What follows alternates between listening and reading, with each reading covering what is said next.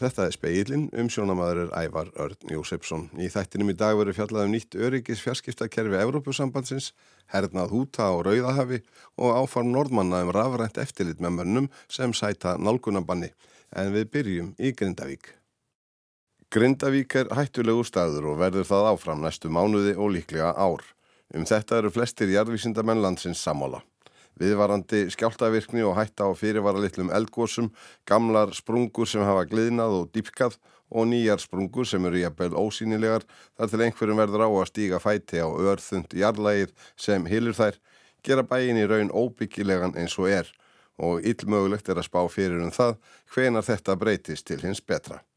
Segja má að þetta hafi að einhverju liti leið fyrir þegar afleðingar kvikulhupsins mikla 10. november og skjáltana sem því fylgdu komu í ljós og verið endanlega staðfest þegar jörðin opnaðist og hraun rann innan hórutökja varnargarða og bæjarmarka Grindavíkur á sunnudaginn var. Sá atbörður gerði endanlega út um vonir margra grindvikinga um að geta flutt aftur heim einhver tíman á næstunni og ákall þeirra eftir skjótum og markvísum aðgerum stjórnvalda til að tryggja framtíðar húsnæði og forða þeim frá gjaldróti vegna töfalds húsnæðiskostnaðar fyrir að samaskapi hækkandi. Jóhanna Vigdís Hjaltadóttir spurði Sigurðinga Jóhansson innviðar á þeirra hvort ríkistjórnin hefði tekið einhverjar ákvarðanir í þessu mikilvæga máli á fundi sínum í morgun. Ég held að, þannig að það margar ákvarðanir verið tegnar, en ég held að sé mikilvægt við áttum okkur á því að það örður náttúrulega dramatískar breytingar hér í þessum atbyrði á sunnudaginn og ég held að sé mikilvægt að við á fjörða degi eftir það séum ekki tilbúin að slá heilt samfélag af. Heldur íhugum allar leiðir sem hægt er að fara og skoða. Við erum fyrst og fremst í að búa til skjól fyrir grindvikinga. Við vorum á þessum fundi að taka ákvarðanur um að framlengja bæði e, sérstakann húsnæðistuðning og, og e, afkomu trygginguna, e, rekstra, skoða rekstrastyrki og slíka þætti og síðan að ræða það hvernig við getum haldið áfram að skoða og greina stöðuna sem uppi er fá upplýsingar frá okkar færasta vísendafólki með formlegum hætti til þess að hægt sé að taka næstu ákvarðanir. Nú hafa við að komið fram hugmyndir um það að ríkið myndi kaupa upp meira og minna allar egnir í húsegnir í Grindavík. Já, hver er ykkar afstæða til þess? Já, það er mikilvægt að akkurat núna þá er skjól gagvart þessu. Við erum búin að tryggja það að, að með fjármálastofnunum að fólk þarf ekki að greiða af Eh, þessu nefn á einum stað. Það er komið skjól á þann tíma. Það veitur okkur svigrum til þess að fara yfir mjög flokna stöðu og það er áskoranir sem að þar koma. Ég held hins vegar að það sé viðtæk samstaða um það að koma grindvikingum til aðstóðar og hafa skilning á því að fólk geti ekki verið með e, sitt eigið fjesinn sparnað bundin í húsnæði sem það ekki má nota. En þetta þurfum við að skoða miklu, miklu betur áður við tökum einstakar ákvarðanir. Nú hafa grindingar sjálfur bísna harðorðir um það að vilja jafnveg losna frá Grindavík í ljósi þess að það verður ekki hægt að búa það næstu misserinn. Hver er ykkar viðbrað við því? Já, það er fullkomlega skiljanlegt og þess vegna segja við þurfum auðvitað líka sem stjórnvöld að fá uh, skýr skilabóð frá okkar sérfræðingum, þeim stopnunum sem um þetta vilja til þess að við getum tekið ákvarðanir. Við þurfum líka að horfa inn í, inn í framtíð sem að, sem að, og fortíð sem að við þekkjum auðvitað hvað varðar náttúruhanfarðir og ákvarðanir stjórnvalda. En finnst þér uh, forsvaranlegt sem einn af óttutum ríkistjórnarinnar að já, ríkið uh, kosti til 200 miljardar til þess að kaupa púsnaði í Grindavík? Já, það er bara eitthvað af því sem er alveg sjálfsagt að skoða og mér finnst að í þessu verkefni eitthvað sem við erum að greina og getum tekist á við. Við erum búin að búa til kerfi kringum viðlagasjóð sem síðan enda sem náttúruhanfara trygginga eftir atbyrðina í Vestmannegjum. Við byggum til ofanflóðasjóðs umhverfið eftir eh, snjóflóðin fyrir vestan og við höfum verið að þróa þessi tæki og við þurfum greinilega að gera það áfram því að þessi atbyrður er öðruvísi heldur en hinn er tveir sem hér, hér, hér voru nefndir. Sér þið fyrir þér að um, málefni Grindavíkur er tekið fyrir þegar þing kemur saman á mánudaginn með einum eða öðrum hætti og jafnvel sett ykkur nýlög? Já, ég tel bara að það sjálfgefið að við byrjum kannski á því að bara ræða, taka einhversa skýslu um stöðuna í þinginu eða, eða eitthvað slíka umræðum. Ég finnst það nú bara eiginlega sjálfgefið og síðan í framhaldinu á því að taka þá til umfjöllunar þau fremvörp sem að þá verða komin fram og kannski verða þá komin fleiri. Sagði Sigurður Ingi Jóhansson.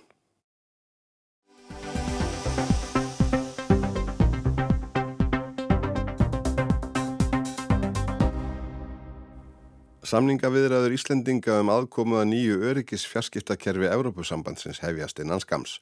Með þessu stendur til að tryggja aðgengi til dæmis að samskiptum og netþjónustu ef innviðir á borð við sæstrengi robna eða verða fyrir skemdum.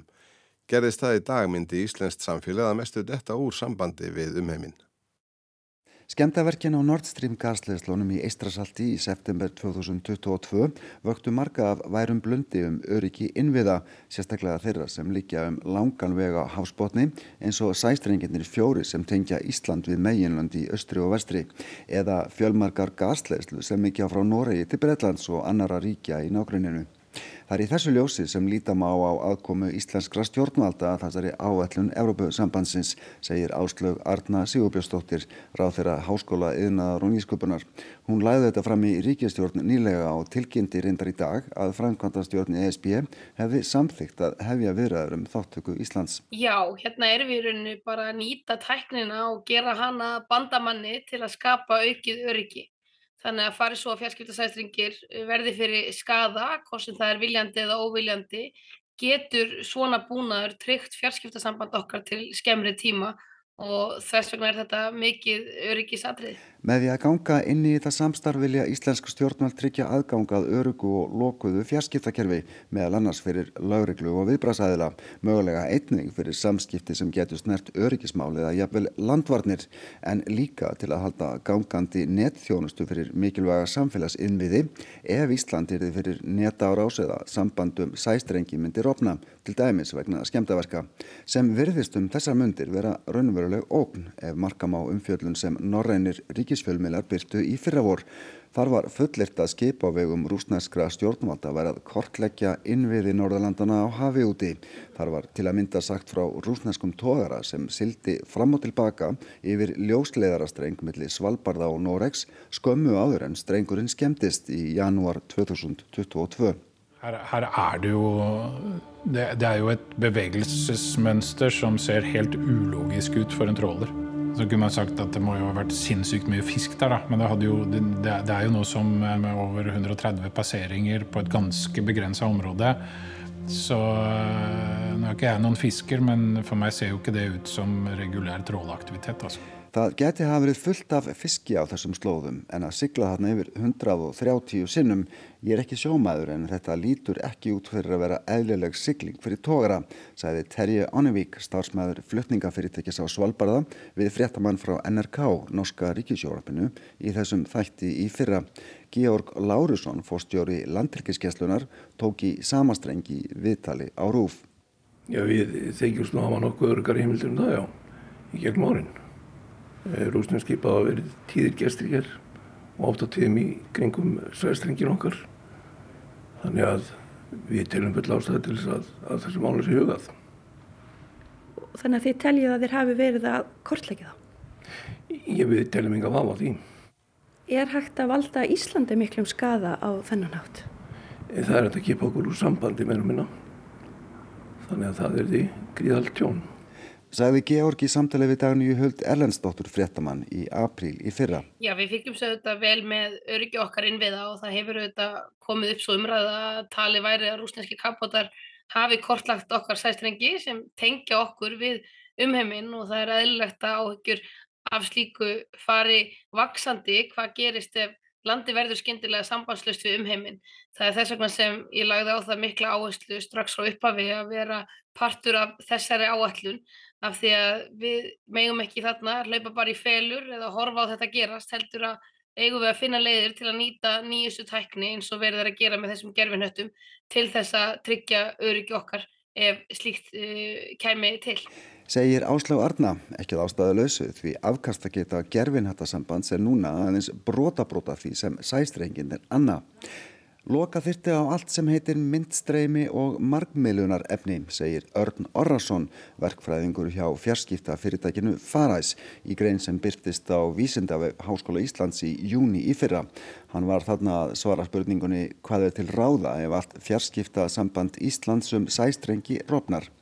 Og Örn heldur áfram Samskipti einstaklinga við útlönd er því mesta lægi á SMS-formi sem er létt umferð.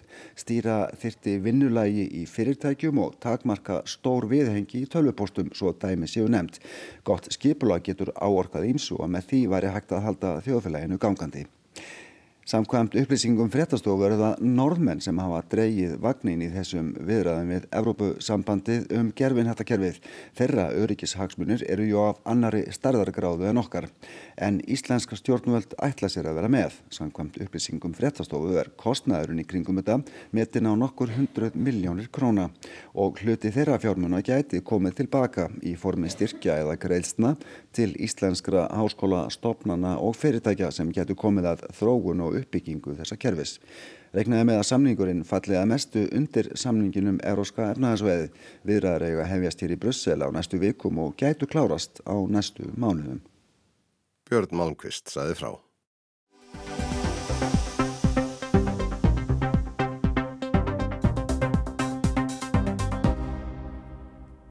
Nokkur stór skipafélög eru tímabundið hægt að láta kaupskip sín sigla um hefði hernaðalega mikilvæga Bab el Mandeb sund inn á Rauðahaf um Súeskurð og til Evrópu eftir að vígamenn húta í Jemen hóa ráðast áðu með flugskeitum og drónum. Þeir hafa lísti við stuðningi við Hamas-samtökin á Gaza í baróttu þeirra við Ísraels herr og heiti því að stöðva öll skip sem þeir telja að sigli með vörur um Rauðahaf til Ísraels.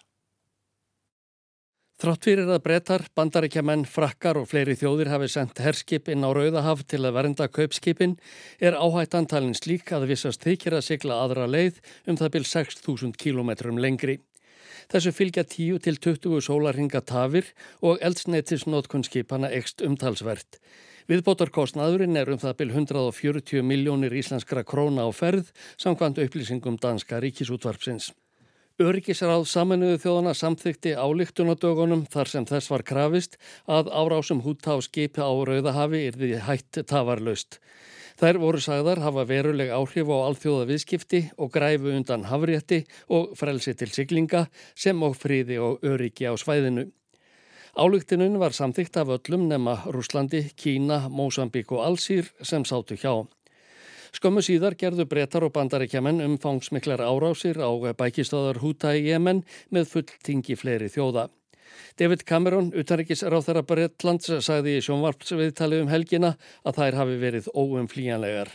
What was necessary was to send a very clear message to the Houthis that these attacks are illegal and unacceptable. And what we've done is use military action as a last resort. Nöðsynlegt var að senda hútum skýrskilaboð um að árásir þeirra eru ólöglegar og ólíðandi. Það var okkar síðasta óræði að beita hernaðar aðgerðum, sagði Cameron. Hann bætti við að hútar hefðu verið varaðir við það hvað eftir annað meðal annars af öryggisráði saminuðu þjóðana. Markmiðið með aðgerðunum væri að halda mikilvægum siglingaleiðum opnum, ekki einugis fyrir breyta heldur allar þjóðir heims. Uh, grain and food to desperately poor countries like Ethiopia or Sudan. So it is important um, that we act.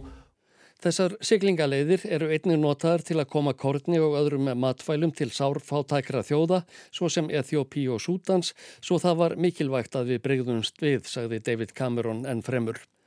Hútar hótuð að grípa til hemdaraðgerða vegna árása á pækistöðuverðira. Já, framt hvaðust þeir ætla að halda uppteknum hætti og gera árásir á skip sem tengjast Ísrael meðan hernaðar aðgerðir halda áfram á Gaza. Þeir líta á sig sem auksulveldi ansbyrnunar gegn Ísrael, bandaríkjónum og fleiri vestrænum ríkjum á samt Íran og hriðiverka samtökunum Hamas og Hezbollah í Líbanon sem öll njóta stuðnings íranskra róðamanna. Hútar eru taldir vel vopnum búnir. Þeir eru ansbyrnu og trúarhefing minni hluta hóps innan trúfélags síta, svo nefndra sætista. Saga þeirra nær til tífunda áratugar síðustu aldar þegar þeir hófuð berjast gegn Ali Abdullah Saleh, þáverandi forsetta Jemens og spillingaröflum sem honum tengdust. Hópurinn dregur napsitt af stopnandanum Hussein al-Houthi. Frá árinu 2014 hafa hútar barist gegn stjórnvöldum í Jemen sem vestrænriki líta á sem hinn einu lögumætu í landinu. Þeir ráða stórum hluta landsins þar á meðal höfðborginni Sana. Samkvæmt upplýsingum saminuðu þjóðana hafði borgarastriðið kostar 377.000 manns lífið í upphafi árs 2022 og hrakið fjórar miljónir íbúana frá heimilum sínum. Í lok síðasta árs var tilkynnt að stríðandi fylkingar í Jemen hefðu komist að samkomlaði um vopnalli og samþygt að vinna að stríðslokum. Áallad er að 100 til 120.000 manns tilheri hútýrhefingunni, hvortvækja hersveitir og fylgjendur úr röðum almennra borgara. Áskir Tómasson sæði frá.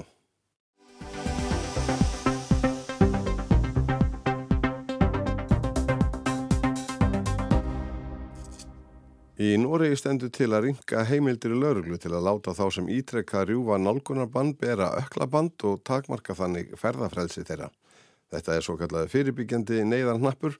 Krafanum að beita þessu úræði hefur verið hávær í Noregi eftir tíð morð og ofbeldi í nánum samböndum í upphafi þessa ás. Gísli Kristjánsson. Ástandið hefur komið mönnum á óvart Þó er þetta ekki fyrsta sinn sem ofbeldi í nánum samböndum leiðir til döðsfalla af loknum jólum og áramótum. Þessa fyrstu daga ársins eru morðin talin sjö og þau verði ekki rakin til skipulagrar glæpastarfsemi að uppgjörs í undirheimum. Það er farið að tala um konumorð sem félagslegt vandamál og að tilraunir yfirvalda til að koma í vekk fyrir morð og ofbeldi í nánum samböndum hafi ekki skilað árangri. Mordtíðin er annars lág hér til lands og uppgjör glæpahópa hafa í minna mæli sett mark sitt á norsk samfélag en til dæmis sænst. En samt setur óhuga fólki þegar aftur og aftur berast fréttir af ósættu og óta við ofbeldi í nánum samböndum og oft hefur þetta endað með morði. Við það bætist þjáningin sem sífeldur ótti leiðir af sér. Í langflestum tilvíkum eru það konur sem láta lífið vegna þess að fyrir um sambeilismenn eða eiginmenn sætta sér ekki við skilnað. Stundum verðið sem skamdegi og skemmtana hald um jól og áramót sé undirróta ofbeldisins. Það er þó þvert á boðskap jólana.